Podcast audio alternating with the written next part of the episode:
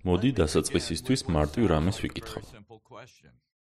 რა არის დოლათის შექმნის და ეკონომიკური ზრდის მთავარი და აუცილებელი ინგრედიენტი?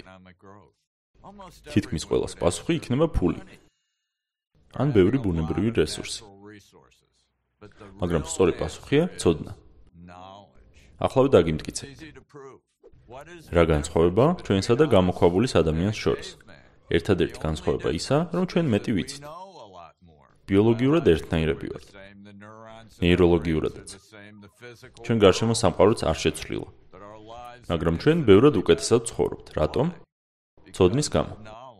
ამ აზრის გასამყარებლად პრეისტორიულ წარსულში წასვლაც კი არაა საჭირო. უბრალოდ 50 წლით უკან გადავიდეთ.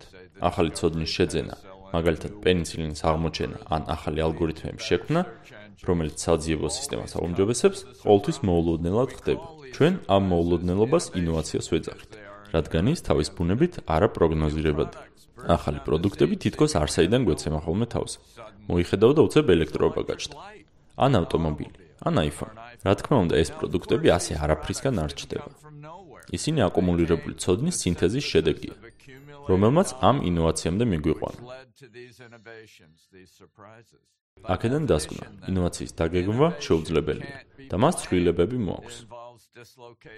ეტლების მწარმოებლებს ცუდი დღე დაუდგათ, როდესაც ჰენრი ფორდმა მისი პირველი მოდელი T წარმოადგინა. ინოვაცია ყოველთვის მიმართულია მომავლისკენ. ინოვაციას, ახალ ცოდნას მარტო ახალი პროდუქტები კი არა, არამედ ახალი კომპანიები და მთელი ინდუსტრიები მოაქვს. და ინოვაცია ქმნის დოულაც, რომელიც შემდეგ ნაწილდება მთელი ეკონომიკის მასშტაბით. მოკლედ სქემა ასეთია. მეტი თავისუფლება, მეტი ცოდნა და მეტი ინოვაცია არის ეკონომიკის დინამიური ზრდის გასაღები. ნაკლები თავისუფლება, ნაკლები ცოდნა და ნაკლები ინოვაცია ნაკლებ ეკონომიკურ ზრდას ნიშნავს. მაგრამ თუ თავისუფლება ხელს უწყობს ცოდნას და ინოვაციას, რომელიც ეკონომიკურ ზრდას გვაძლევს, რატომ არის სწრაფვის მისკენ ყველა ერი და მთავრობა? ამის ასახსნელად უნდა გავიხსენოთ ის, რომ ინოვაციები სურპრიზებით არაპროგნოზირებადია. ეს არაპროგნოზირებადობა ბევრისთვის არაკომფორტულია. ისინი ცდილობენ სურპრიზებს თავი არიდონ ცხოვრებაში. ამ სურულის კვალს ყველა უტოპიურ წყობილებას შიპოვნით.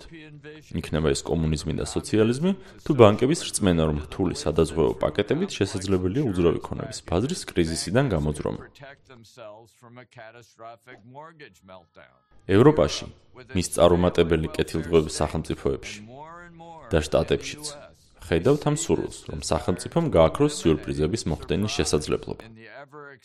ამისთვის იყენებენ გაზრდილ ბიუროკრატიას, მეტ კანონს და მეტ რეგულაციას.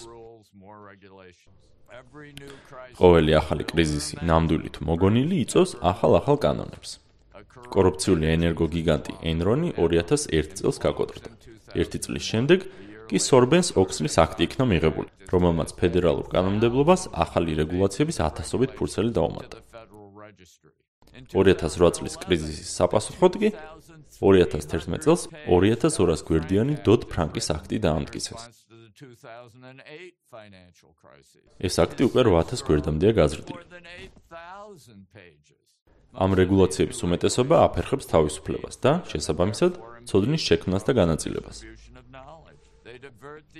ისინი ენტერპრენიორების ენერგიას და რესურსებს ინოვაციების მაგივრად სამართლებრივი ნორმების შესრულებისკენ მიმართავენ. ისინი ქმნიან არასანდოობის გრძნობას მომავალში და აღმართავენ ბარიერებს ახალი ენტერპრენიორებისთვის.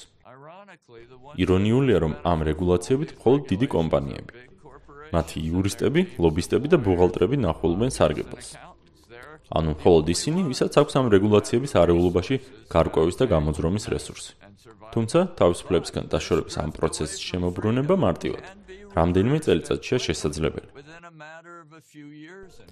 ამის უამრავი მაგალითი არსებობს. რეიგანის ადმინისტრაცია შეერთებულ შტატებში, ჩილეს 1970-იანი წლები, დასავლეთ ევროპა კომუნიზმის დანგრევის შემდეგ, ახალი ზელანდია და ისრაელი 1980-იანებში, ჩინეთი და ინდოეთი 1990-იანებში და კანადა 21 საუკუნის პირველ დეკადაში. იმის გამო რომ ეს გონების ეკონომიკა მომავლის შეცვლა გონების ცვლილების სიჩქარითაა შესაძლებელი. როდესაც აბეზარი მთავრობა უკან იხევს, ცოდნა იზრდება და კეთილდღეობაც უკან მიყვება. დინამიური ეკონომიკური ზრდა მხოლოდ შტატებში კი არა, მთელს მსოფლიოშია შესაძლებელი. თუ ჩვენ ვიქნებით საკმარისად გაბედულები, რათა ხელიდან არ გაუშვათ იქ. მე ჯორჯ გილდერი გახლავართ, Prēga ir universitātistus.